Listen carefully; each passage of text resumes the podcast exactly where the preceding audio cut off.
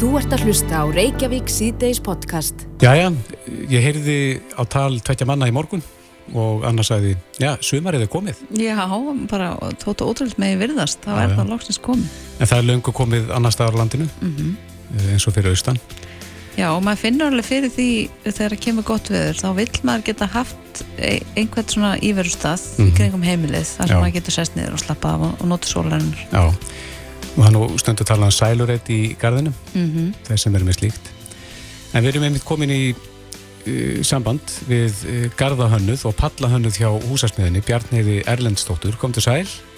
Já, komið sæl. Já, það lítur að vera nóg að gera hjá þér þess að dana. Heyrðu, það er ekki hægt að kvarta undan því. Það er mikið að gera og hefur verið bara árum saman. Já. Hvað er svona, við vorum að velta fyrir okkur eitthvað tísku bildur, hvað er eins og við segjum inn í garðinum í dag? Sko, það er náttúrulega þetta láréttu klæningarnar og skjólgeringarnar. Þær eru bara alveg alls ráðandi.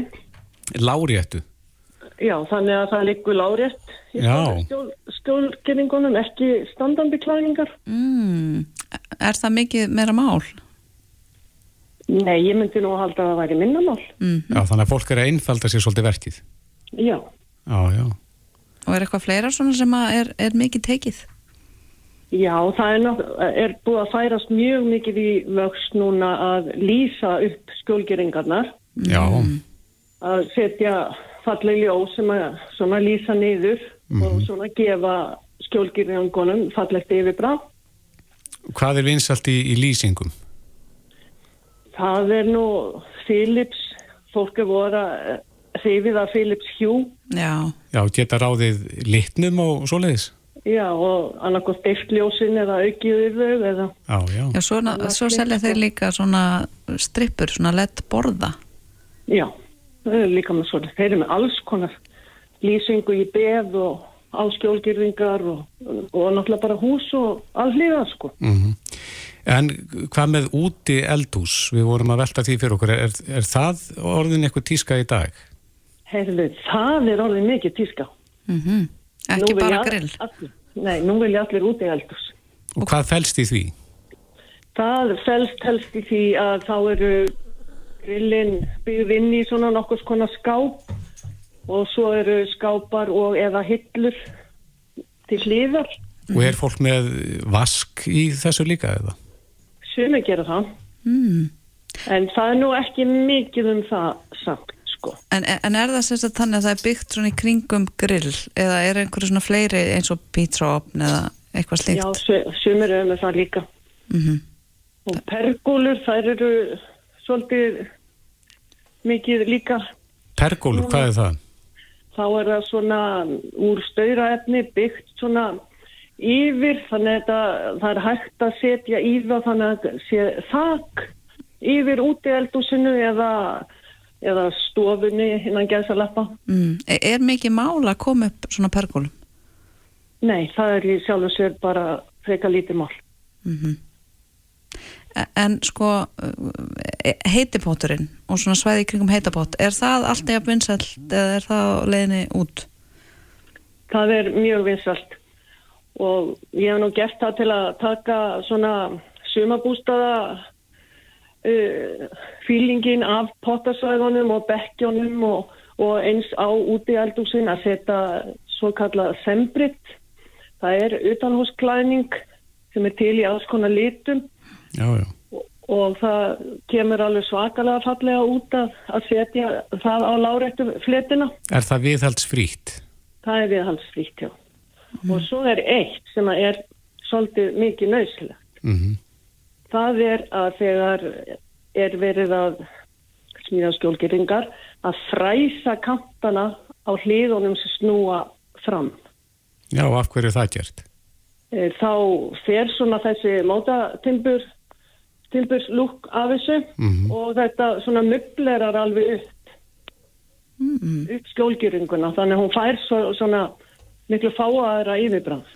En, en hvernig er það, Bjarnir? Er fólk að endur skipilegja pall eða garð og gera allt bara á einu sumrið? Eða er fólk svona að taka þetta í, einhverjum skrefum? Eh, Margir gera þetta bara á einu sumri, aðrir vilja deila þessu eitthvað niður og þá er náttúrulega einmitt svo nöðsilegt að vera með góða tekningu af, af pallinum, garðinum að því þá ertu alltaf að fylgja sama planinu og niðurstaðan verður þessi að þú ert með heilstæða mynd af þessu. Mm En skipt, skiptir þá ekki líka máli með sólstöðuna og svona sjá hvar eh, sólinn skín í garðinum og, og hvar skuggarnir myndast? Jú, það er mjög gott og ég er einmitt með sérstakt forrið sem ég set tekningarnar í sem að þá stilli ég bara hvað er söður og hvað er norður og þá koma í þessu forriði, það er alveg geggja forrið og þá koma skíin á heiminin og, og skuggarnir og það sem að þeir lenda og, og allt verður svona mjög raunverulegt þannig að það er eins og setja taka mynd bara af tilbúnum palli. Já, þetta er svona raunverulegt. Já. Já, já. Svo, svo var eitt reyndar sem að ég sérstakann áhuga á að sko að svona þessi hefbundnu uh, blómabið séu að uh, þeim, er- það verið að skipta þeim út fyrir bara svona gróður kassa á pallin. Já, og í því sambandi, sko, sumi gata pallin og þá er bara besar að, eil, að eilífu, Mm en ef þetta eru svona, og ég einmitt bendi fólki á það því að oft gengur tölvöld timpur af í pallasmíðum, Mm að smíða gróður kassa úr afgöngunum og ekki síst að setja undir þau sterkli hjól með Ah. góðum bremsun. Aha, þá bara eins og til dæmis um miðjan ágúst þegar allt er í fegurst að blóma -hmm. og svo kemur fyrsta hauslæðin en þú heyrir Kristófer tala um það deginum áður að það sé að skella á fyrsta hauslæðin á morgun Mhm. og þá ferðu og dregur bara Á hjólunum. já, Já. í var. já, En, en þegar er verið að byggja svona gróðukassa, þarf að klæða þá með gardúk eða einhverju slíku, eða plasti? það er yfirleitt settur svona takkadúkur í, á hlýðarnar og í botnin en það má, maður þarf samt að gata botnin af því að maður vil ekki að vatnið bara safnist þar fyrir Mm og setja svo jarðvegstúk þar yfir af því þú vilt ekki að moldum fara út Nei. með vatninu. En talandum gróðurinn, er eitthvað um það að fólk sé að smíða palla í kringum tré? Það kemur að fyrir, já, já, það er kannski uppáhalds tríðist er akkurat sem er besti staður fyrir pallin Já, þú vilt ekki fella það? og fólk vil ekki fella það, að þá bara kemur það upp úr pallinu og það kemur á skemmtileg út og, og smíða kannski svona setbekki þar í kring, þannig að þú setjir svolítið svona undir löfskrúðinu. Já. Ein spurning Bjarni er varandi palla og ég veit að þetta er svolítið umdilt ef ég færi nú um helgina og byggði mér pall á ég að bera á hann strax eða á ég að býða í ár og bera svo á hann Sko, flestir eru bara með hérna rakamæli. Það er að fá til til ódýra, ódýra rakamæla hérna í húsasmiðinni og að býða eftir að, að, að rakinni temperinu sé komin niður fyrir 12-14%. mm -hmm. Síðan fer það náttúrulega bara eftir veðri hvort það er mikið rigningar sumar eða, eða bara alltaf sól. Já. Hvernig það er komið, það er bara að sé ekki ómikið raki í temperinu. Nei, það er ekki nöðsynlegt strax. Nei, það er yfirleitt timbri og blökt til að bera það strax. Já. En uh, hvaða efni er, er vinsalast að nota í palla í dag? Er, er lerkið vinsælt? Lerki hefur náttúrulega alltaf verið svolítið vinsalt og undanfærin ár til að fá gráa litinn Já. og en furan er samt almennt langmest tekin, þessi mm gaggvarða og einn góður smiður sem er búin að vera smíða palla í 100 ár og ég var að ræða þessi lerkismál við hann og þá sagði hann við mig Akkur lætur fólk þá ekki bara furun að grána? mm. Og þá fór ég að hugsaði með mér, já, einmitt, hvað sér maður þegar maður er, er til dæmis að keira út í sveit? Girðingastöðarnir, þeir eru allir gráir Einmitt. og það er bara fura. já, Já, já. það er ódýrar á vandala Já, tölvöld ódýra. En er ekki skortur á lerki líka í dag? Þetta kemur allt frá Rúslandi, eða ekki? Jú, það var eitthvað, eitthvað áhugjur af því í vor að, en það eitthvað rættist úr því. Já. En uh, rétt eins í því að við vorum að tala um hvað fólk er að setja á pallin, þú sagðir að eldúsin eru svolítið inn í dag, hvað með eins og sánaklefa og slíkt? Það er töluvert vinsalt sko. Bæði tunnurnar og, og bara allsken sána klefar sko. Já, vil fólk gera ráð fyrir slíkum hérna tunnum í- á teknikunum? Já, ég einmitt var, hef búin að teikna upp þessar tunnur sem að eru vinsalar. Þannig að ef að fólk vil fá tunnu á pallin eða við pallin, að þá bara skelli ég einnig svo leið. Já, erum við svona frekar mikið að gangi í takt, það er náttúrulega mismöndu hvað fólk hefur mikið á milli handana e e e- eða erum við að eru einhverjar að koma inn og byggja um eitthvað algjörlega flippað hjá þér? Sko, það kemur náttúrulega allskynns fólk til mig með alls konar hugmyndir. Og sumar hugmyndir sem að mér finnst ekki alveg nógu góðar að þá reynir ég að sveia það til. Mm Nú stundum koma pör eða hjón með gjössamlega sikkvara, alveg sikkvara hugmyndina um hvernig það á að vera. -hmm. Og þá er ég náttúrulega allsæl þegar ég er búin að gera eitthvað og þau fara bæði sátt frá borði. Já, trúi því og þú deila hjónabandsrákjaði líka þannig að hjósasmiðinu Það, mér- mér dettur það stundum í hug að það er svona, já, það er eitthvað svona í því líka. Þarf að miðla málum. Þetta mála, já. Já, þetta er gaman að þessu, Bjarnheður Erlendstóttir, Garðahönnöður og Pallahönnöður hjá húsasmiðinni. Bara kæra þætti fyrir spjallið og, og hérna skemmtilegar hugmyndi fyrir marga. Já, ég vona það að einhver hafi séð að það er svo margt, en það ég segi alltaf við fólk, þegar fólk situr á mótum mér alveg, ekki hefur með dóttir þetta í hug. Mm Þá segi ég alltaf, emmitt, fólk á alltaf að koma fyrst til mín. Já, akkurat. Kæra þætti fyrir spjallið og bestu Já. kvæður. Já, takk fyrir mig. Bless, bless. Verið blöð. Þú ert að hlusta á Reykjavík síðdeis podcast. Já, ég verð nú að segja að þetta eigalag er mér mjög að skapi frá MC Gauta Já, þetta er svolítið eigalegt lag. þetta er, það er bara svo óbúslega góðu fílingur í þessu lagi Mhm. ég ber alltaf að dilla mér og ég hef komið písmerkið upp Já, að sveifla höndunum kom inn í dalinn. Já, heldur betur. Ég, ég reyndar fer eiginlega aldrei á þjóðtíð sko, en mér langar svolítið núna bara þessu lagi. Já, bara að stjalla sér. Já, það er spurning. Herðu en, yfir í annað, uh, Dilja Miss Steinarstóttir, þinguna sjálfstæðarflokksins, skrifa grein uh, sem að byrstist inn á vísi.is. Já, Í dag? það- hún er að auglýsa eftir ábendingum um hvað mætti betur fara og þess er beint að atvinnureikundum Mm í landinu og Dilja Miss lætur fylgja netfangið sitt með þessari grein og hún er sestin hjá okkur. Velkomin. Takk fyrir það. Er póstólfið orðið fullt? Já, ég er búin að fá fjölmargar ábendingar. E, bæði e, í gegnum samfélagsmeila og á, hérna, í gegnum tölupost sem er mjög ánægilegt. Ég ger þetta nú reglu, ég ósk eftir hérna, ábendingum og umkvörtunum og aðtúasemdum e, og bendi svona á það að- að mínar dyrir standi alltaf opnar en ákvað núna að beina þessu sérstaklega atvinnureikundum. Þannig að þeir tækju þetta sérstaklega til sín og, og, haf, og þeir hafa hérna greinlega tekið vel í þetta. Og uh, á hvaða leið eru þessi stílabóð sem þú fengið?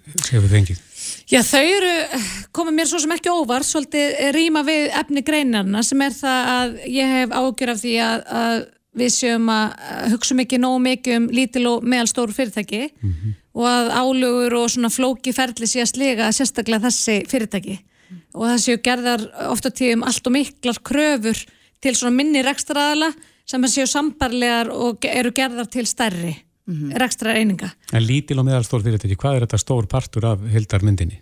Ég sko, flestir, flestir launþegar og þá er ég að meina fyrir utan þriðjung launþegar sem vinnur hjá hennu ofinbera eins og ég er nú alltaf að benda á eh, eru, með minnir að sé um 75% eða, ég þurfti nú að rifja þessa tölfrau upp sem að vinna hjá litlum og meðalstórum Þannig að fyrirtækjum þetta er bakbeinið í Já, atvinnum. Og það sem ég tek eftir að því nú er ég bara rétt búin að skanna yfir og ég er ekki byrjað að svara erindunum, ég er bara svona aðeins byrjað hérna, að skanna þessum yfir þetta rúlaði yfir erindin. Og þá sé ég töluvert af erindum frá uh, rekstraðalum að veitingahúsum í veitingagerunum Mm. og þetta er auðvitað ég, ég þekki þetta rekstra umhverju nú ekkert allt og vel þannig ég þarf bara meðal það sem ég þarf að kynna mér en það svona er mjög samhljóð endi varandi þungt rekstra umhverju og maður hefur auðvitað heyrt þetta þið hafa öruglega heyrt þetta líka En hva, hvað er það nákvæmlega sem er svona þungt? Hvaða álegur eru það sem eru, eru háar? það er auðvitað verið að nefna launakostnað uh, og ég ger nú kannski lítið í því, ég er nú uh, frekar að reyna að beina því að, að hérna, að svona minni hlið og beina því að, að stjórnvöldum að, að geta hósi í, í launahekkum og launum þegar kemur að hefur nú ofinbera e, þannig að auðvitað er launakostnaður ótrúlega stór hluti af rekstarkostnaðinum en það er verið að nefna meðlans áfengiskjöldin sem að við sjálfstafsmenn erum nú alltaf að segjast hafa augun á og, og tala um en höfum kannski ekki verið nú dögulega að, hérna, að beita okkur fyrir því mm -hmm. e, og svo bara almennt álugur á, á minni fyrirtæki mm -hmm. eins og tryggingagjald Já, meðalans tryggingagjaldið, ég sá að hérna, það var minnstakosti einn rækstraðali sem, sem að benda á tryggingagjald tryggingaldi sem við höfum reynda lækkað en, en það má alveg eflaust gera betur í þeim efnum mm -hmm. en síðan er það e, þó nokkur erindi sem ég hafa búist var það svona leifisveitingarferli mm. þau séu þungi vöfum það var e, eitt sem ég rækka auðvunni í varandi sem var það græna orku mm -hmm. og þetta auðvitað þekki maður líka eins og stjórnsýslunu ég var að vinna hérna e, sem aðstofmar ráðnita og ég komin á þing þannig maður þekki nú þetta aðeins þetta umhverfi e, og hefur heyrt þessar umkvartanir frá fyrirtækja eigundum mm -hmm. og það er líka annað sem þeir hafa verið að benda á eh, aðrunreikundur að, að það sé mismunandi, ég veit ekki hvort maður á að segja viðhorfum, en minnst að kosti framkvæmt að kemur að svona eh, eftirliti og, og, og leifisveitingum bara í aðfæl milli sveitafélaga sem líka mjög nálagt mm, En, en er, er mismunandi eh, ferli Sett, eða við móta, hvernig maður að segja það þegar að kemur að svona litlum fyrirtækjum eða þessum stóru risum sko. Já sko, stóru risarnir eða stó, starri fyrirtækin, þau hafa þetta bara meiri, hérna, meiri mannskap og, og fjármagn til þess að halda úti einhvern veginn umgjörð um þetta mm -hmm. sem, að, sem að eru þetta það sem að og vinna á tíminn sem, sem að þetta krefst Eh, en ég veit til dæmis að, að umhverfisráð þegar Guðlaug Þór hann er, er farin að láta skoða framkvæmda á heilbriðiseftiliti mm -hmm. milli sveitafélag sem að aðtunreikundur hafa mjög gerðan hvarta yfir að sé æði misjöfn milli sveitafélag mm -hmm. bara svo dæmis þetta hekið mm -hmm. eh, ég óska eftir því núna á, á hérna nýliðnum þingveitri að, að það er því skoðu sérstaklega þegar kemur að málefnum eh, umhverfisráð þeirra umhverfisráðnetisins, ég byrjaði þar svona til að byrja einhvers þar að það er því skoða hvort við varum að innlega hérna Evrópureglur sem að leðust of þung, þungt á Íslands fyrirtæki með þar kröfu sem eru gerðar í Evrópureglum mm -hmm. það er eitthvað sem við höfum líka hýrt af þannig að það er svo margt sem er hægt að gera til þess að skoða og gera betur fyrir atvinnureikundur á Íslandi mm -hmm. og ég, eins og ég sagði hérna á en ég er nú alltaf ásköldur ábendingum um bara hérna hvað sem er eh, en ég er líka svona að reyna að vekja aðtikla á því af hverju að því að Það hefur orðið einhver svona viðsnúningur að öllu verið hefur verið snúið hérna kvolvi umræðinu finnst mér þar að kemur að atvinnureikundum og atvinnulífinu. Af hverju það skiptir máli við sem er hlúa atvinnulífinu og, og gera það er auðvitað því að það er atvinnulífi sem að skapar auðvitað tekjurnar og, og hérna, fjármagnir sem við nýtum síðan í samnæsluna. Mm -hmm. Svo, svo maður enda líka heyrst af einirkjum eða mjög litlum fyrirtækin, kannski bara 24 starfsmenn mm -hmm. sem að kannski Eh, þrá það helst að fá einhverja leiðsögn Já. varandi sko að stopna fyrirtæki og, og svona halda því úti kannski nokkra mánuðið eða ár og, og svona reka sig á hansi marga veggi í kerfinu Já, e, þetta er, þetta er ágætt sábending. E, ég er nú mjög hrifin af því að, að hérna að því að eins og hefur ofnbæri hefur þannist út og er auðvitað hérna, armar þess liggja í, í allar áttir einhvern veginn orðið, finnst manni að ég er mjög hrifin af svona apparötum sem að leiða saman svona ólíka hesta í stjórnsýslinni þannig að fólk ég hef nú ekki, hérna, mann ekki hvort að ég var komið með eitthvað gott íslenskt heiti við það en það er svo, svona svo kallar one stop shops. Mm -hmm. ég veit ekki hvort það hefur heyrt þetta þar sem að fólk getur bara, einmitt, hvort sem það er fólk eða fyrirtæki, getur leita á einhvern eitt stað til þess að fá úrlaust einhvers viðfungsefnis mm -hmm. sem kannski krefst e, þess að það sé leita á fleiri staði í stjórnsýslinni. Það getur ennfólt að fólki mjög lífið. Þannig að flækjustíð er of mikið þegar það kemur að hennu ofinbæra? Flækjustíð er of mikið, e, regluverkið hérna of flókið og, og, hérna, og keimatinn alltaf bara orðin svo margir á hennu ofinbæra. Mm. Þannig að, að maður skilur það vel að, að eins og þú segir einirkjum og örfyrirtækjum þeim bara fallast hendur mm -hmm. og í stað þess að þeir séu einbæta sig því að gera það sem þeir eigi að vera að gera, skapa verðmæti og, hérna, og fyrir samfélagið allt að þá er það einhvern veginn að festast í þessu neti sem að hefur ofnbæri leggur fyrir það. En er það þá í einhvern tilvægum kannski þannig að það er orðið of dýrt eða of flókið að emitt stækka? Þannig að svona fólk er haldið aðeins í skefjum eða hvað?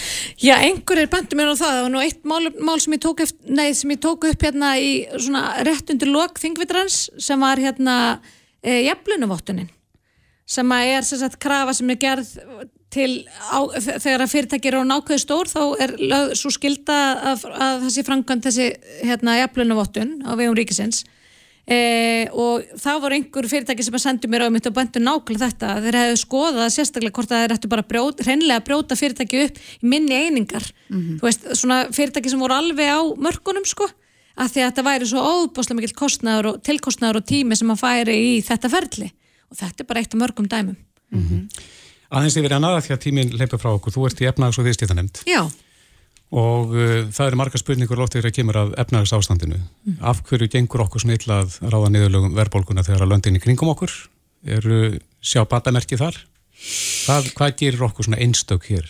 Já, fyrsta lagi þá er nú ekki batamerki í öllum löndunum í kringum okkar. Og svo er spurning hvað hvað um ræði þegar við erum að tala um batamerki það er alltaf bara að vera að horfa verðbólkuna hér auðvitað. Mm -hmm. e, við hefum verið að benda það að hér auðvitað mikill hagvöxtur og svona hefur verið spenna í hagkerfunni okkur sem er ég veit, ég veit ekki hvort ég á að segja vandamál en jú svona viðfungsefni sem að mjög fáar þjóður í kringum okkur sem við berum okkur gerðan saman við, er að glíma við á sama tíma. Við erum hér með mjög hátt atvinnustig lítið atvinnuleysi. Það er líka annað vandamál sem að mörg lönd sem við berum okkur gerðan saman við er að glíma við Eh, en svo er hérna, þetta orðin svona tukka sem verður ekki oft sögð. Eh, en, en margir orðin þreyttir á að heyra.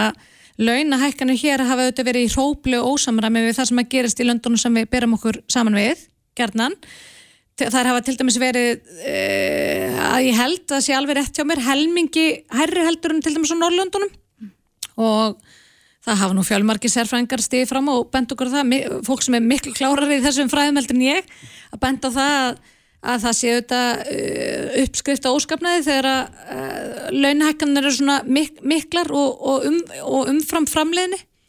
Þannig að það er svona ímislegt sem við skerum okkur úr í en heilt yfir þá hefur okkur auðvitað og svona, þegar við berum okkur saman við e, þessi sömu lönd með samrændum mælikvarð þá gengur okkur auðvitað mjög vel og þetta er bara þungur róður núna að, og svona samælt verkefni okkar allra og, og, hérna, og sem að einhvern veginn enginn verðist fara valut af mm -hmm. Þannig að fréttin inn á vísi í dag þar sem er vittnað í Ragnar Þór Ingólfsson sem að segja að launahækkanir þurfi hið minnst að vera í samræmi við verbolgu tölur Er hann á rángri leið þarna á þínum aðeins? Já, hann er að minnstu kosti ekki á, á hérna, sama róli og sælebankustjóri, bara svo dæmis í tekið. E, og hérna við reyndum nú að ganga undan með góðu fordami sem var gríðarlega nöðsulegt fannst mér hérna í þinginu, svona undir, undir það síðasta með því að svona gefa tónin varandi launahækkanir e, ráðamanna. Þannig hann hefur bent á nákvæmlega þetta að, að það sem að við skerum okkur úr í séu þessar gríðarlegu launahækkanir umfram það sem að í rauninni við erum að framlega mm -hmm. og sem að, sem að leiði síðan til verðbólgu. Er það ekki til góðs fyrirgeðu að, að launin eldi verðbólguna? Nei, þetta er bara, þetta er bara vítarhingur sem að verður auðvitað að, að auðvitað, það er ekki svo, ég skil ekki þessa kröfur sem að, að vinnumarkaðin er að setja fram en það sem við erum auðvitað að horfa á fyrst og fremst er auðvitað kaupmátturinn. Við getum hérna hækka laun út í óendalega en ef að kaupmátturinn, ef það saksast á kaupmátturinn, ef það hefur þá áhrif að verðbólgan getur upp kaupmáttin þá er það til lítils. En, er ekki fólk að fara fram á hæri laun út af því að til þess að reyna að bæta lífskeiði sín? Þannig að það er ekki að koma annar stað frá þá? Jú, en lífskeiðurinn batn ekki auðvitað ef að, ef að kaupmátturinn dregst saman. Og okkur hefur þó tekist fram að þessu ágætlega að verja kaupmáttin kaupmátturinn hefur og það er nú eitt af því sem hefur verið að gerast hér sem hefur ekki verið að gerast í löndunum í kringum okkur að kaupmátturinn hefur bara stór aukist hérna undan það fara nár og lífskjörn okkar batnað fyrir ekki til já, kaupmátturinn mm. hefur minkað fólk finnur það bara á, á þegar það fyrir út í búð. Já. það fær minna fyrir launin sín í dag heldur náður og, og, og stærri partur fer náttúrulega í húsnæðiskosta Já, já, vi, vi, við erum að þetta er, þetta er vandamál sem við erum auðvitað ekki eina klíma við það er víða um, bara svo, til dæmis svo, svo tökur sem dæmi Evrópu, þá eru auðvitað fólk að glíma við háavexti, e, verðbólgu, e, stórhækkan orkukostnað og fleira sem að, sem að býtur í auðvitað. En það er þá rámt að segja að kaupmátturinn hafi haldist hér? Nei, kaupmátturinn hefur aukist, stór aukist undanfarið ár, en, en núna rétt undanfarið þá hefur verið að síga þar ógeflina og þar er það er stóra verkefni okkar, að verja kaupmáttin þannig að eins og hefur verið marg útskýrt, þá getum við þetta hækka laun út í óendilega en það skiptir, það hefur ekkert að segja ef að, ef að kaupmátturinn helst ekki. Og okkur, okkur hefur tekist eh, já, fram að þessu hefur okkur tekist ágætlega að verja kaupmáttin en, en þetta er stóra verkefnið. Mm. Það er verið hörður rimma kjara rimma í höst og vetur?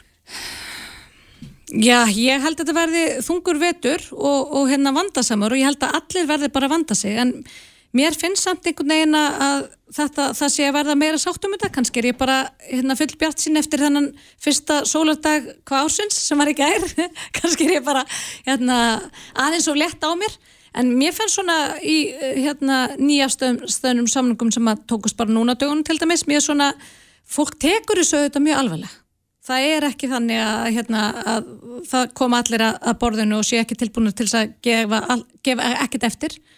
Mér finnst hérna, allir taka þessu hlutverki sínu og, og hérna, viðfónsefni mjög alvarlega og vera reyðbúinir til þess að, að því að allir þurfa að gefa eitthvað eftir og fórna einhverju. Mm -hmm. það, er auðvitað, er auðvitað verkefni, sameigileg verkefni sem við stöndum framfyrir en við erum mjög lánsum hér að hafa verið, hafa verið búin að búa mjög vel í hæginn að stjórnvöld hér hafa verið búin að búa vel í hæginn fyrir svona, ef maður á að segja mögur árin eða svona, svona smá samdrátt hann er hérna, eða svona erfiðleika sem er auðvitað ekki, ekki allstar, til dæmis ekki Reykjavíkuborg Ég veit að tíminn er að leipa frá okkur en, en ég missi ekki takk fyrir að nefna það Það er sér, alveg sér um það.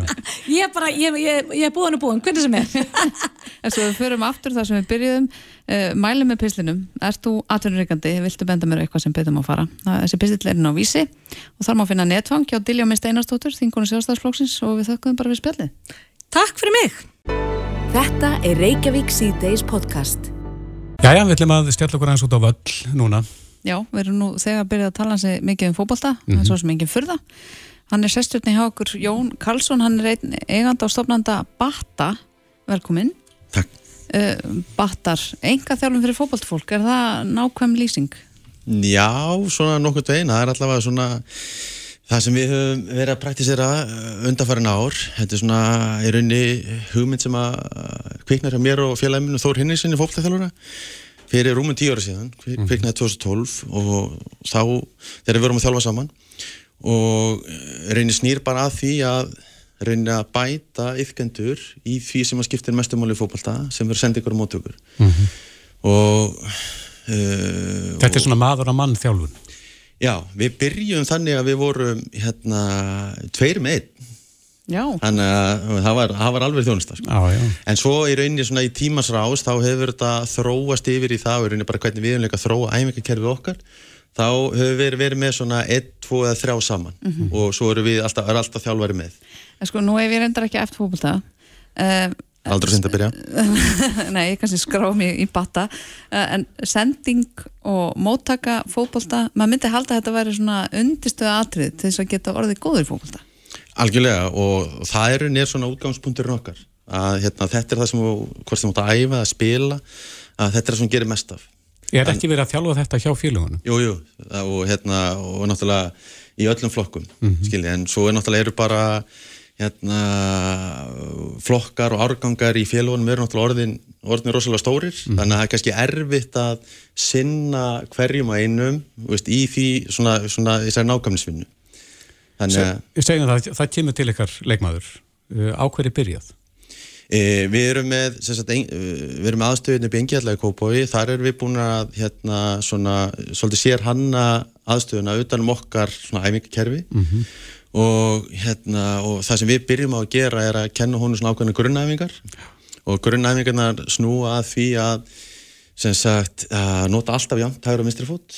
Hvort sem þú ert að senda eða móttaka boltan þannig að þegar þú framkæmur æfinguna að þá ertu alltaf, við erum alltaf leggjum miklu áherslu á það að þjálfa báðafætur Byrjaði að greina leikmannin svona hvað er kannski Já, það kemur, kemur mjög fljóðlega í ljós sko, skilur hvort að vinstri fóturinn sko, þurftum að bæta hann eitthvað aðeins mm -hmm. eða, eða opnunina móttökunni hér og þannig að það kemur mjög fljótt í þessum grunnæfingum sem við mm -hmm. kennum í upphæfi sko. mm -hmm. Koma leikmann mis vel undirbúnir í svona kennslu já Er, er fólk misæft í, í Íþróttafélagunum? Já, já, það er, hérna, við fáum í rauninni alla flórunna, sko. Við fáum í rauninni sá sem er bestur í aðliðinu, hann er hjá okkur og svo er líka sá sem er, skiljiði, í, í hérna neðri liðunum, skiljið, kannski A, auðvist, við erum með A, B, C, D og alveg nýri E og F lið sko, mm -hmm. við fáum bara krakka á öllum, á öllum skalanum. Mm -hmm. Og hafi, fyrir ekki þau Kristófur, ég er bara velta fyrir mér sko, hver langan tíma það tekur að sjá uh, framfæris?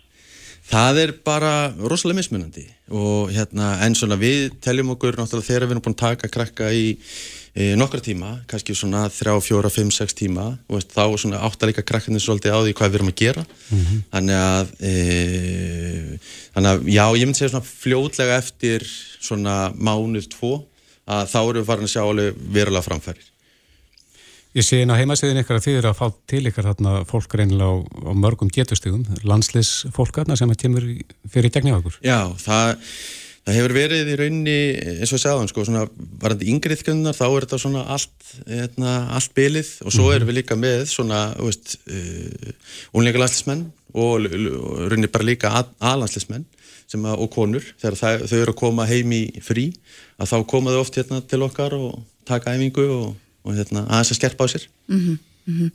En ég, ég mitt var líka varandi aldur spilið, þetta er rauninu bara fólk á öllum aldri sem getur leitt til ykkur, maður tengir oft svona einhver fókbóltaskóla við sko krakka Já, nákvæmlega, við erum með krakka alveg nýri í 7-8 aldur sem að hérna, koma til okkar og, það er náttúrulega bara eins með þetta eins og hvað annað sem maður leggur rægt við sko, því mhm. fyrir sem maður byrjar þá náttúrulega, veist, verður maður betri og grunnurinn hjá maður verður betri mm -hmm. En, en var þetta bara svona leikskilning og svona strategi og skiljaleikin og geta lesið hann? Mm -hmm. Fylgir það með?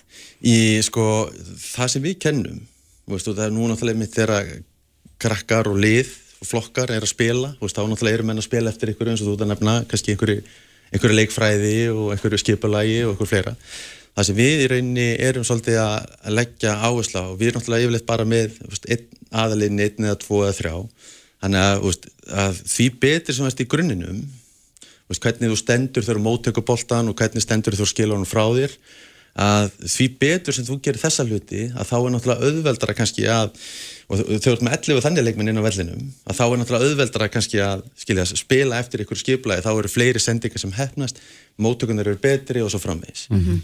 Þannig að við erum náttúrulega kannski ekki að fara inn á svið félagana sko þegar kemur eða hvernig áherspila fólk. Sko. Nei, ég var alltaf einmitt að spyrja því, er, eru þjálfarar almennt sátti við það að því séu það að, að krukka í þeirra leikmennum? Já, sko við erum, já, ég held svona heilt yfir eru það, út af því að þetta er bara, eina sem þetta gerir náttúrulega fyrir krakka er bara að þessi grunnatriði verða betri og það er það sem við hefum séð í gegnum tíðina er að, veist, að að yfkandin sem er kannski séliði, þú veist, hann er búin að vera hjá okkur ykkur tíma, mm. veist, þá er hann allt inn og komin upp í bjeliðið og því að þjálfari sér það náttúrulega þegar hann kemur á æfingu að hann er farin að skila boltan betur frá sér, hann missir hann sjálfnar, hann skora fleiri mörg veist, þannig að það framfæriðnar náttúrulega skila sér á endanum inn á æfingarnir og liðun mm -hmm. En við Kristófer, eigum það sammeilagt að við heyrðum af böttum bara núna við hefum ekki séð einar auðlýsingar eða umfjöldun um þannan skóla. Nei, við höfum í rauninni sko, verið hérna, með starfsemi innan oss upp í engjæðlega Kópói síðan 2000, í byrjun árs 2015 og við byrjum bara þannig að það komið pappin inn og spyrju hvað við vorum að gera og sagðist við erum með nýjara gamlan dreng og hvort hann getur komið í þjálfun og síðan hefur þetta bara, veist, hefur þessu bara vaksið um eh, fiskur og hrygg síðan sko mm -hmm. og við hefum ekkert auðlist eða neitt þannig, við, þetta hefur bara verið svona orðspór þjálfunarinnar sem hefur farið út um allan bæ og mm. gert það verkum að þetta er orðið mjög eftirsóknarvert að komast í þjálfunarna. En, en það er mjög sjálfgeft að það gerist? Já, ég held að hérna, það er líka bort að því að við þór við stofnundir, við hefum bara slagt mikla áherslu á sérst, í rauninni þjálfununa sér slíka. Það er að segja, alveg saman hvort þú ert í D-liðinu eða A-liðinu veist, við það sama ástriða, sama svona nattni sem fer í þjálfununa sér slíka veist, en þú kannski nálgast aðalan öðruvísi mm -hmm. þeir eru kannski mismöndi getustöfum en í rauninni svona þjónustu stíð er, hefur við lagt mikla áherslu á og í rauninni mhm. svona efla sjálfstyrta krökkum, rósaðum Hvað, hvað þurfa leikmenninni marga tíma hjá okkur? Það er bara mjög mismunandi, sumir hérna, það eru margir krakkar sem eru búin að vera hjá okkur frá upphæfi sko, mm -hmm. búin að vera hjá okkur hérna, öll árin sko og þeir sem er alltaf búin að vera lengst hjá okkur, það eru margir af þeim hafa farið erlendis veist, eru hérna komnir í rauninni í svona atvinnumennsku, þú veist, í unleikilegi hjá atvinnumannliðum og þannig að við, við reynir látum bara svolítið yðgjöndunar, fóreldrarna svolítið ráðaferðin líka þar hvað krakkar vilja vera lengi. Mm -hmm. veist, þannig að hérna, en veist, þannig að því lengur sem krakkar verða því betri verðaður og framferðina verða meiri. Það gefur auðvitað leið í raunni Já, eitt sem ég velti fyrir mér um, og það núna erum við að sjá að sko krakkar eru verið yngri og yngri þegar þeir eru fannir að sko æfa á svona atvinnumanns leveli og það er komin íþróttabrautir í framhaldsskólum fyrir svona afreiks íþróttafólk. Þurfum ekki battar bara að stekka talsvert til þess að geta annað þessari svona framtíðarþróun? Jú, eflaust. Og við höfum alveg hugsað út í það líka sko að nú er náttúrulega reyni kannski bara eftir spurnin eftir þjálfinni okkur orðin þannig að veist, við náum bara ekki að sinninni sko. Mm -hmm og við erum svona, við erum tveir stofnunir ennþá í þessu og erum að reyka þetta veist, í rauninni á söpum grunni og við hefum gert bara frá upphafi þannig að en í rauninni, jú, þetta náttúrulega veist, væri draumur náttúrulega að stækka þetta og koma þessu víðar og hérna, ég held að það sé markaði fyrir það alveg pottið sko mm -hmm. Þá veit ég að það er margi sem eru að núta hlusta núna sem að eru að velta einni spurningu fyrir sér, hvað kostar? E, sko tímagjaldi hjá okkur í, í dag er 6.600 krónur mm -hmm. og svona flestir af krökkunni okkur eru bara með fastan tíma einu sinni í viku þannig að, þú veist, mæti bara á þínum degi klökan þetta og, mm -hmm. þú veist, fjögurskipti mánuði og hann að langflestir eh, eru með svona skiplaði þeirra er þannig, sko. Mm -hmm. Þá er þeirri spurningu svarað? Já. Þetta er flott. Við hlakum bara til þess að fylgjast með böttum. Þú mátt endilega láta okkur vita þegar þið farið út í heim. Já. Ég, ég, ég, gerist það ekki að lokum? Jú, það er stefnan. það er útrásin. Það er útrásin. Jón Karlsson, einn eiganda á stofnanda Batta. Takk kærlega fyrir spjalli, gangi ykkur vel. Kæra þakkir. Þetta er Reykjavík C-Days podcast. Ég hrettur um að einhverjir hafi ákveðið það að hætta að borða svínakjött eftir að hafa hort á þetta myndband frá Manchester sem að byrstist inn á vísi.is í dag. Algjörlega, algjör hryllingur. Það, það er verið að sína þegar að svín eru aflífuð með því að sapnaðum saman nokkrum inn í klefa þraungum klefa þraungum klefa og blása yfir þau koltjóksíð gasi Já, sem að veldur uh, því að þau ná ekki andanum og í rauninni kapna Já, og berjast fyrir lífið sinu einmitt. Þetta er algjörlega hræðilegt mm -hmm. og mhm. ég mæli ekki með áhra á þessu myndbandi fyrir neitt en samt sem áður er mjög nöðslegt fyrir okkur að vera upplýst um dýravelferð Einmitt og hvaðan maturinn sem við borðum kemur. En á línunni er Rósa Líf Daradóttir, hún er læknir og varaformar í samtökum um dýravelferð á Íslandi. Góðan og blessaðan daginn, Rósa. Já, góðan daginn.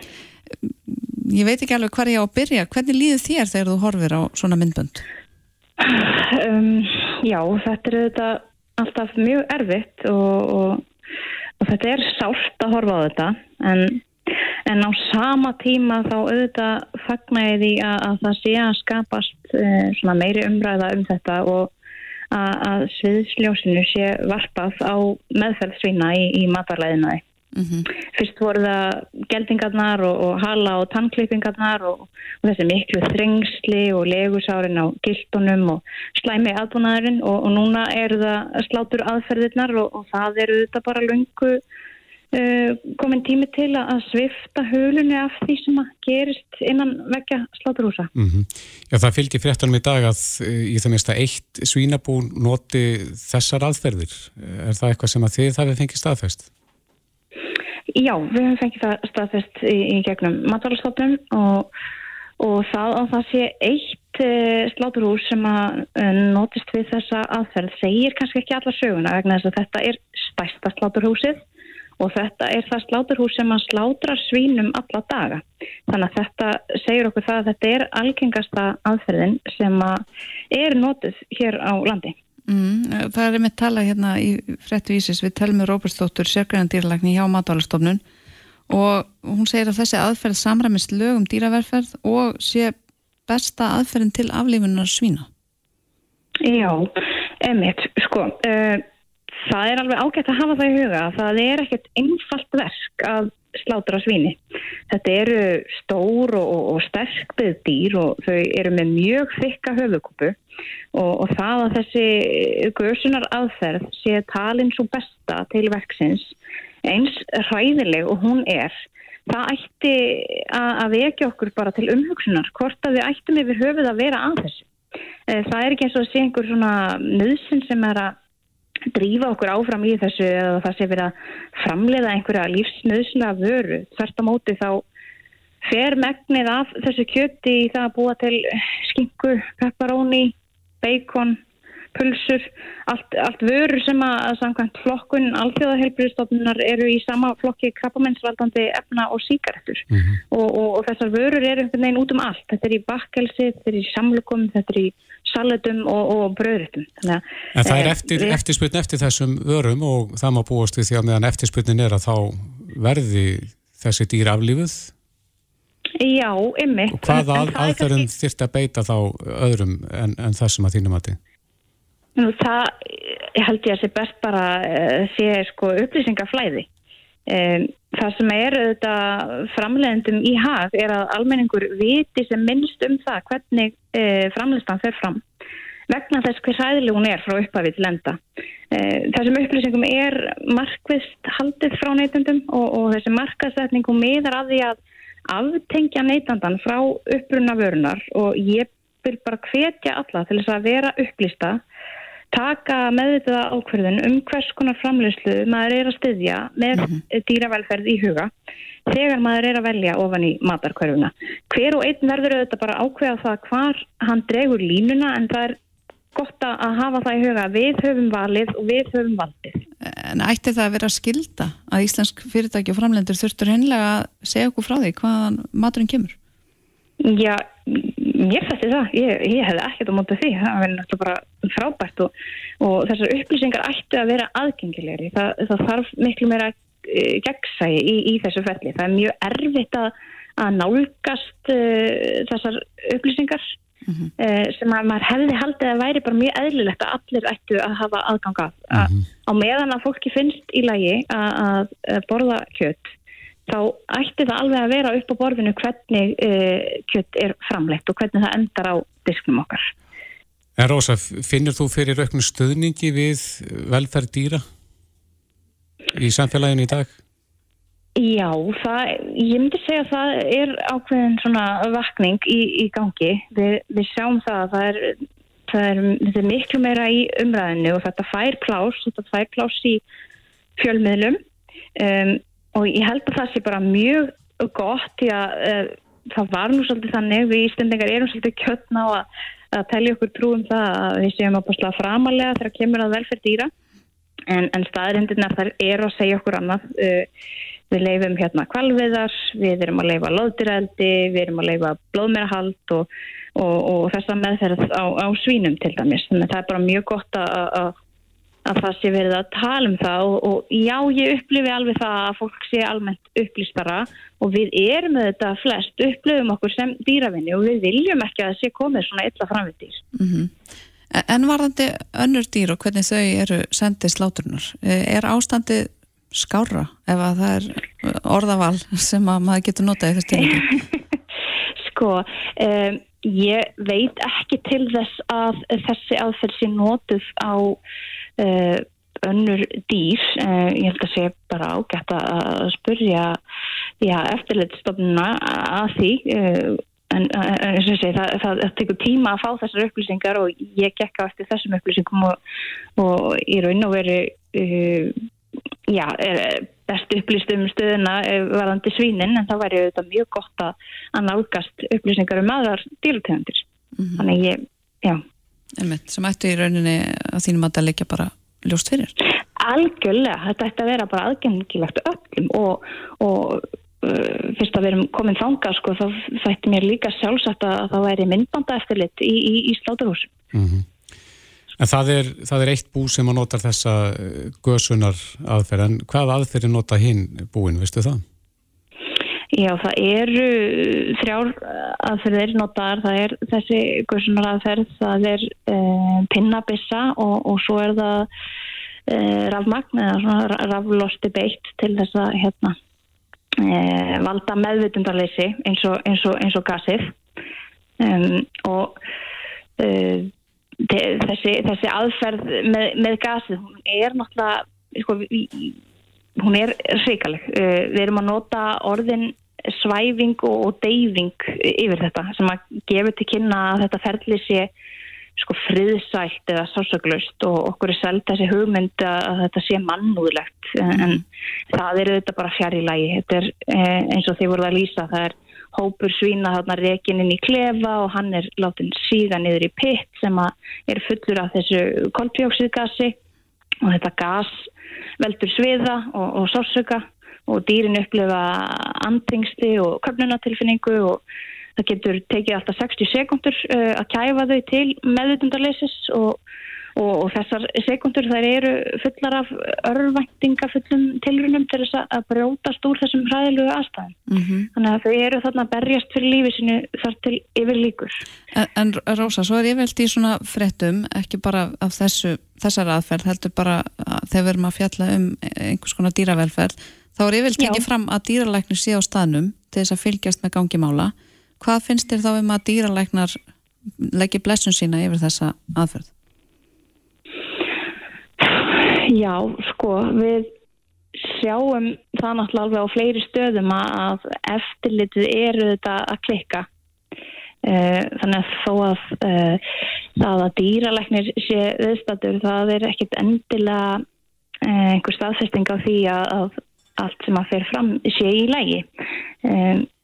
Til dæmis eins og þess að það, það eru þarna dýralæknir sem fylgjast með því sláturhúsum og auðvitað ég, ég trúi því að fólk sé að reyna að gera sitt besta en, en, en, en það, við sjáum það bara allt og ofta að þetta eftirlit er að klikka svo það er engin, engin e, það er ekkit örugt að, að, að, þetta sé í lægi þess vegna mm -hmm.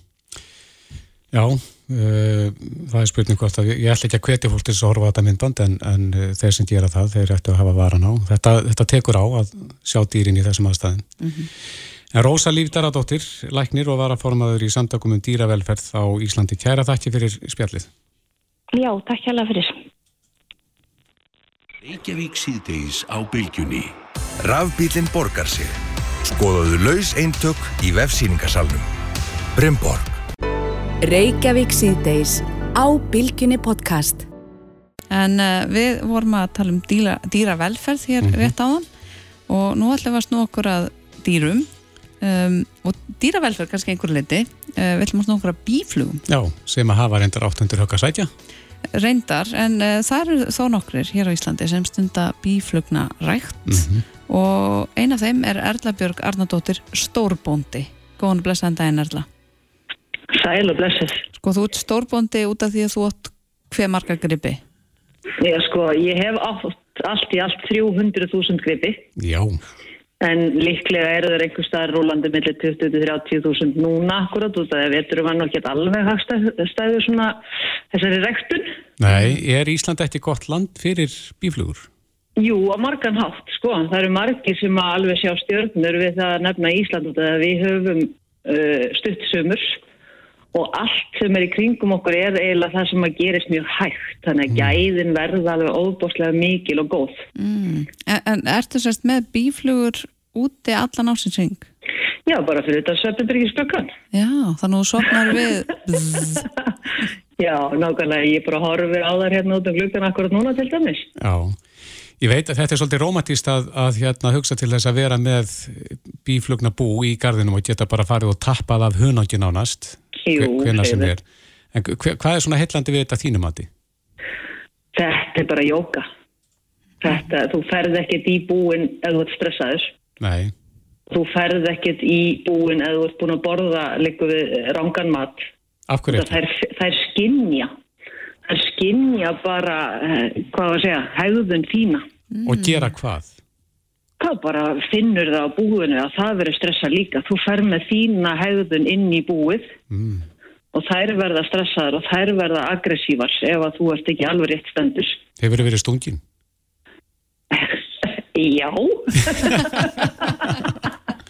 það er partur að þessu. Gerist það reglulega? Sko að Meiri segja nú talað um það að stungurna séu nú bara hallar. Það er verið að rannsaka þetta út um allan heim og sérstaklega í Östuríki. Uh, hvort að eitrið frá bíflugum sé sent og bent gott til dæmis í barðu við krabbaminn. Já. og loftið sem kemur frá bíflugunum það á að vera mjög eh, eh, hvað að segja, svona heilandi líka Finnur þau mun á heilsun eftir að hafa verið stungin? Ég held það bara Jáhá, Ég er langt um veskari sko ok. Byrju, hvað hefur, hefur verið að, að stunda þetta lengi? Ég hef búin að vera í þessu síðan 2014 held ég alveg örgulega Mm. og þetta eins og sé, þetta er bara mitt jóka maður fer þarna í búin fer bara í galla, það er bara regla ég fer alltaf í galla sumir eru að gera þetta voðalega cool og fara bara á styrtur á bólunum, bólunum og, og buksunum sko en ég er ekki alveg þar sko Nei. Ertu með svona reik líka? Nei, ég er sett við því Það- mér finnst það ruggla flugurnar Reikurinn er til að róa, er það ekki? bara til þess að hæja á þeim sjálfur það er eiginlega svona þetta er þeirra instinkt, þær halda það að sé skóareldur Já. og þær fara inn í búið til þess að passa bara sjálfa sig og búið sjálft Verja drottninguna. Já, og það er allt, allt þeirra ferli eiginlega snýst um að verja drottninguna. En, hvernig byrjar maður í bíflugnarækt? Akkur tókst þú til dæmis þessa ákvörðun? Sko, ég fór í bíflugnaræktina uh, til þess að byrja með, þá fór ég í bíflugnaræktina mm, bara svona upp á forvitni. Ég vildi horfa svolítið á samfélagið. Mm -hmm. Þetta þarna? Á, á samfélag bíflugna þá. Við erum bara að Já, hlusta. sam, sam, samfélag bíflugna. Þetta er nefnilega stórmerkilegt sko að það sé bara ein drottning og það eru kannski 30.000 flugur sem að þjóna bara þessar einu drottningu. Það eru þernunar. Já, og ég horfði á þetta sagt út frá því að mig langaði til að skoða þetta samfélag Mm og svo þegar það kemur eitthvað huna þá er það bara auka bónus sko. Já, en, en, í dag, ertu, í, ertu stórtæki í hunangsframlistum? Sko ég er náttúrulega framleiði afskaplega lítið höfunum, gott að þetta eru, eru flugurnar sem gera það og síðustu tvö ár hafa bara ekkert verið sko hliðhóll flugunni. Það er búið að vera köld og rök sumur frekar og ef það er raki þá opnast blómin ekki rétt Mm. og frjókotnin þau losna ekki rétt þannig að flugurnar það ná ekki að verða sér út um efnin sem það þurfa. Já, já.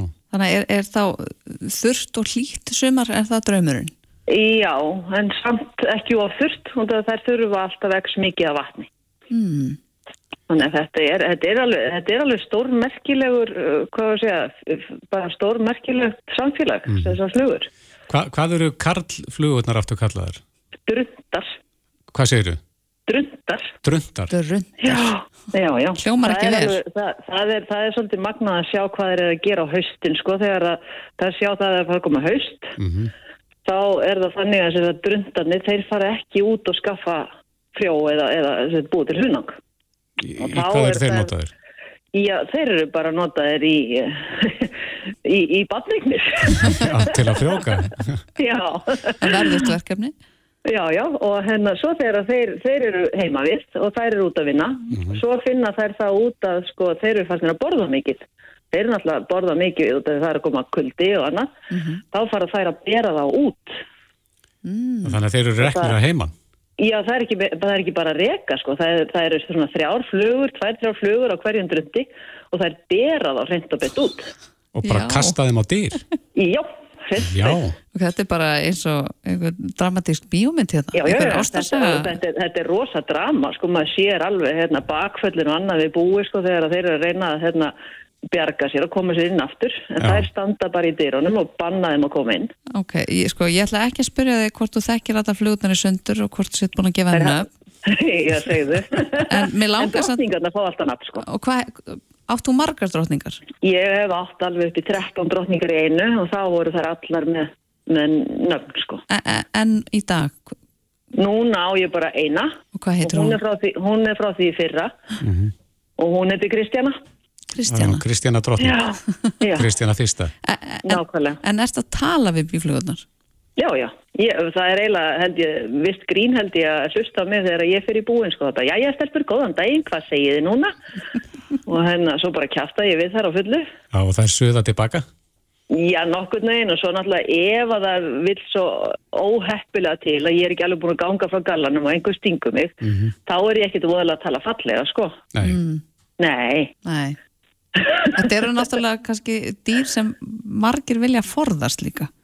Já, það er svolítið svona, hvað að segja, það, það er rangur miskilningur út af þessar flugur eru mjög friðsælar og bara þægilegar í umgengni og þetta eru náttúrulega bara sögur sem maður hefur heyrt og það er náttúrulega bara, maður heyrir nú oftar neikvægt heldur en jákvægt, sko. Já. Þú ert með þar fyrir utan svefnabergisklukkan eða ekki? Jú, Koma þær inn?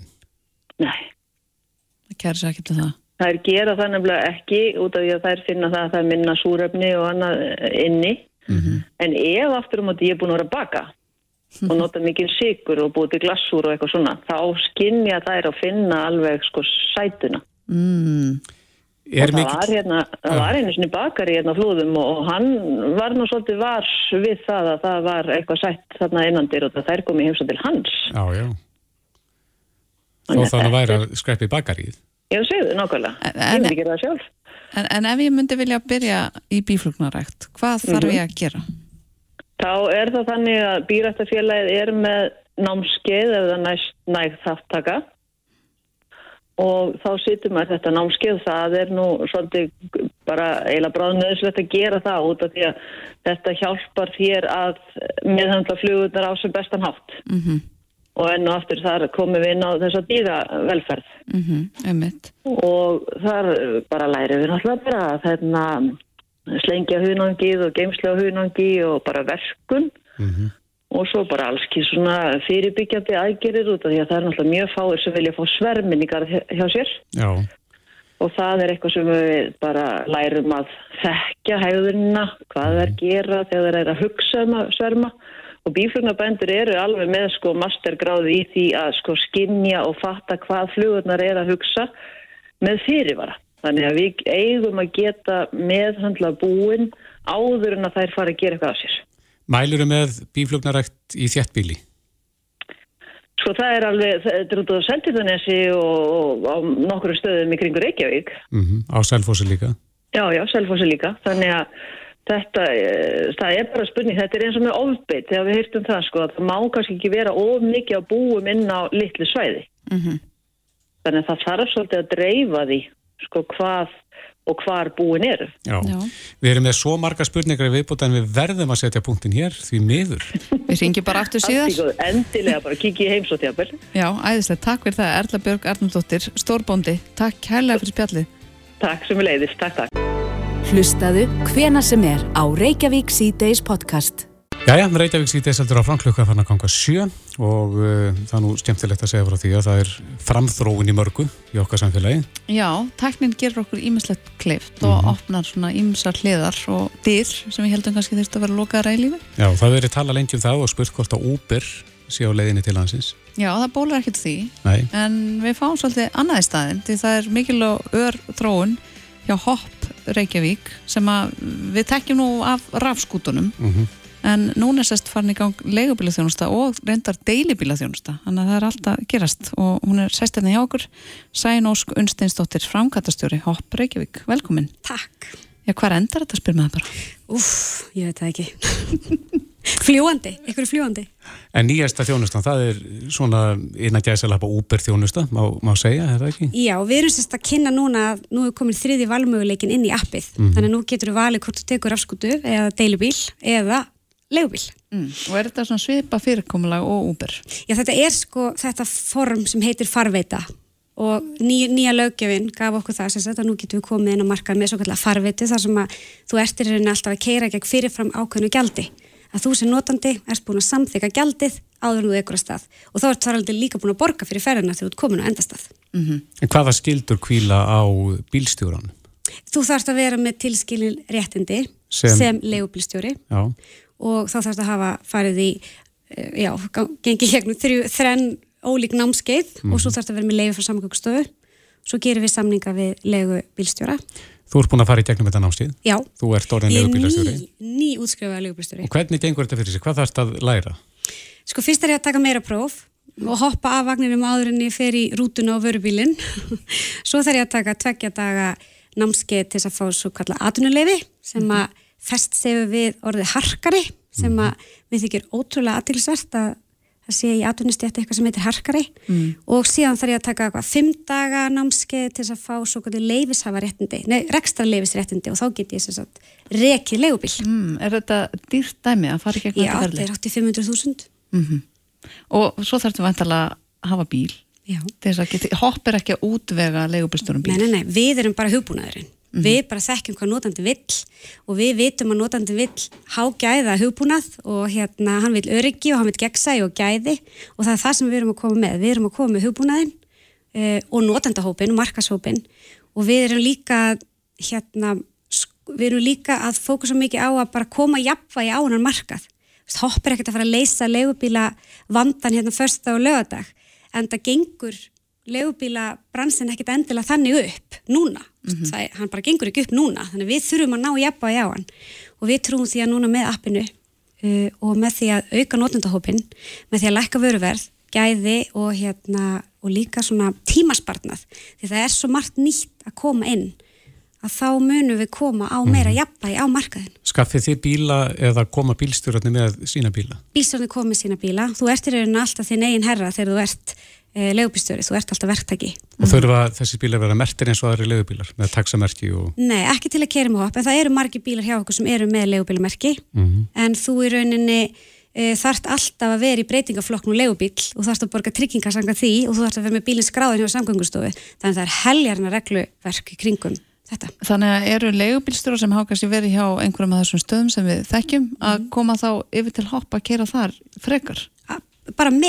að að með og það er það sem er kannski svona mikilvægt í umræðina þú veist, við erum ekkert að, það er nóg pláss fyrir okkur öll. Það er bara nóg að gera. Og við erum að, hjá okkur er engin stöðaskilda þú mátt bara vinna hver sem þú vilt. Og við erum bara appið þú þarft bara síman, hann er vinnutækið þitt þú þarft bara að opna sérstak driver app ef þú ert leigubílstjóri og þá getur þú tekið ferðir þar sem að notundunir í hopp eru óska eftir. Mm Þannig að ef það er- döðu tími hjá þér í hinni vinnunni þá getur bara skráðin að hoppa. Já, já, já. og þú getur bara þess að ákveða að taka tvær ferðir og þú getur ákveða að taka hundra þú veist, það fer bara algjörlega eftir hvernig þú vilt vinna. Lýst aðeins fyrir okkur út á hvað gengur appið? Hvað, hvað blasir við fólki sem að opnar það? sko það sem blasir við er það sem að fólk þekkir í dag er bara við erum samgöngufyrirtæki, við erum að aukana valmöguleika að komast á milli staða þannig að þegar þú opnar appið þá bara getur þú valið ætla ég að finna mér afskotu, ætla ég að finna mér deilubíl eða ætla ég að láta sækja mig á leigubíl Mm. Ég, ok, ég vel leigubíl. Hvaða mynd kemur þá upp? þá kemur velur staðsningur sem þú ert á Mhm. og staðsningur sem þú vilt fara á og síðan byrjar appið okkar að leita besta bílstjórnum fyrir þig sem kemur sem skemmstu tíma til þín svo þú getur farið sem hraðast á þinn, á þinn áfangastað og þú sér nákvæmlega og þú sér hvaða bíl er að koma að sækja þig þú sér hvað leigubílstjórnum er marga stjörnur Mhm. af því það er einhvernig gjöf sem við teljum að skipta rosalega miklu mála á þessu markaði Eins og hjá Uber. Eins og hjúber Mhm. og síðan þegar þú ert búin að samþykja verðið og bílstjóran, að þá kemur hann til þín og svo keir hann þig á endastöð og þá ert þú búin að greiða, appið er í rauninu búið að taka fæsluna. Ég, ég veldi fyrir mér út að Uber er svona alþjóðlega þekkt fyrirtæki og fólk sem kemur hinga erlendis frá, kannski er það fyrst að leita því, er Uber á Íslandi? Nei, ok, það tekir bara leigubíl. Hvernig ætlaði að ná sko þessum markaði, ebla vitund fyrir sko hopp sem fólk mun svo ekki nota kannski nokkuð tíman áttur? Sko fólk, það fólk bara fer og leitar og fer bara og googlar og það finnur okkur strax. Að því og líka bara því við höfum svo mikla valmöguleika aðra. Og þetta er bara það sem fólk er vant. Og þú veist, jú kallast Uber, þetta er ekkert annað en nýsköpun, Uber er bara nýsköpun á markaðnum. Og við finnum það mikið hvað ferðamenn eru fljótur að finna okkur. Og svo auðvitað alltaf bara markasetju við og targetum ferðamenn. En núna fyrst og fremst erum við að, að leggja áherslu á okkur hér sem búum hér. Vegna þess að við þurfum að breyta því hvernig við ferðumst. Við þurfum að breyta þessari ferðamenningu. Við þurfum að skila bílinn eftir heima þegar við getum það og velja okkur ólíkari ferðamóta og það er gildið okkar. Er ykkar þjónusta uh, ódýrari heldur en venjulega leigubíla þjónusta? Já, við erum, við erum ódýrari en það er líka svo margt annað sem kemur inn í. Þú veist, það er kannski ekkit sama verð sem þú borgar núna eða klukkan tvö í dag veist, það, það fer allt eftir því hvernig umferðin er og hvernig eftirspunnin er og hvernig, hvernig þetta reiknast út í appinu Mm. en við trúum því líka að, og vitum það bara að þegar það kemur meiri, fleiri ferðir fleiri notendur, að þá hefur það líka áhrif á verðið. Við þurfum að fá fleiri til að nota leigubíla, það er bara þannig og við gerum það ekki með hækkandi verði eða eins og verðið er í dag. Við þurfum að lækka leigubílakostna, en þá þurfum við líka að auka nýtnina. En ertu með tölu, hvað eru margir leigubílstjórar kominir á skrá hjá ykkur? Hjá okkur er, þeir detta í 50 vonanda morgun. Þannig að við erum að, að hérna bara skrá og gera samninga bara alla daga. Og okkur bráðvanta bílstjóra. Mm -hmm. appið er algjörlega að springa og við erum alltaf að setja í lofti risastórn hugbúna sem hannar og þróaður hér af algjörum snillingum. Þannig það er, það er, það er alls konar tækni þróun í gangi og þannig mm. við þurfum alveg og við erum bara svo heppið með notundur, við fáum svo mjög þólumæði, fólki veit hvað við erum að taka svona djörskref og og við þurfum alveg að fá smá þólumæði og meðan við erum að mm. allir eru að læra bæði notendunir og bílstjóranir Já, ég veldi fyrir mér að kannski einhverja núti sem er að hugsa, en hvað með vernd notenda? Já. Ef ég sest inn í leigubíl frá hopp út að mm. við kannski tökum þessi sjálfsögðun hlut ef við förum á þessa leigubílstöður að við erum vernduð, við njótum ákveðnar verndar mm. en hvað með hjá hopp? Sko ég myndi halda að við séum sko ekki síður, ekki betri er varða þetta, þú veist nákvæmlega og sér það inn í appinu hver er að koma að sækja þig, hvaðan heitir, hvað símanúmen þess er, við trökkum og þetta búnaðurinn og við, við þurfum samkvæmt skildum frá samkvæmstofu að halda utanum alla ferðir, þannig við erum með allar upplýsingar í hugbúnaðunum mm -hmm. og þú sem notandi bara veist nákvæmlega hvað þú ert að fá, hvað þú ert að borga fyrir og hver er að koma að sækja þig. Hvað með sækaskrá og slíkt? Samgöngustofa er algjörlega með þessa ferla, þú þarf alltaf að skilja sækaskrá til þess að til þess að fá í rauninni leiði. Þannig að ef að, ef að bílstjórin eh, er að vinna við leigubílagstöru þá er sakaskráin reyn. Nei, já, mm -hmm. samgöngustofu gefur öllum bílstjórnum leiði og það er alveg þungt og strangt ferli sem það fer í gegnum. Finnur þau fyrir því að fólks er svolítið tvístegandi, smá rætt við þessa þróun eða? Nei, alls ekki ég held bara, við erum bara svona vön eins og við erum búin að nefna oft Uber mm -hmm. erlendis frá og svo erum við líka bara sem notendur, við erum bara orðin kröfuhörð við mm -hmm. viljum bara góðan hugbúna, við viljum bara hraða gegnsægi og, og það er nákvæmlega það sem við erum að gera, en ég finn ekki fyrir hræðslu að þessu leiti Fyrst þið þreytandi að sé verið að tengja þetta svona mikið við Uber? nei, alls ekki veist, það er hérna, nei, en veist, Uber bara auðvitað fórast það svolítið svona fyrstum með trukki í þessari nýsköpun og þeir eru bara búin að reyðja breytina og læra fullt og gera alveg öruglega triljónmistök og við erum ekki að fara, við erum bara búin að læra því og veist, þetta er farveit, þetta er á sama leveli en Uber er bara vörumörki mm. og við erum hopp Og þeir sem að þekkja Uber og hafa notað mm. Uber elendis, er þetta svipa viðmót? Þú sér hvar bílinn er já. og hversu langt er í hann? Akkurat, þú sér bara nákvæmlega hvar hann er pantar hann mm -hmm. og svo fylgistu með honum í appinu koma já. þannig að þú bara hleypur út hann fyrir utan hjá þér Já Já, við segjum bara til hamingi með þetta og það verður frólægt að fylgjast með að þetta fá ekki góða viðtökur hjá almenningi. Akkurat. Við, við býðum eftir fljúandi faratækjum. Já. Sæði Nós Unstistóttir, framkvæmtastöru Hopp Reykjavík. Takk hérlega fyrir spjalli. Takk. Reykjavík síðdeis á Bilginni podcast.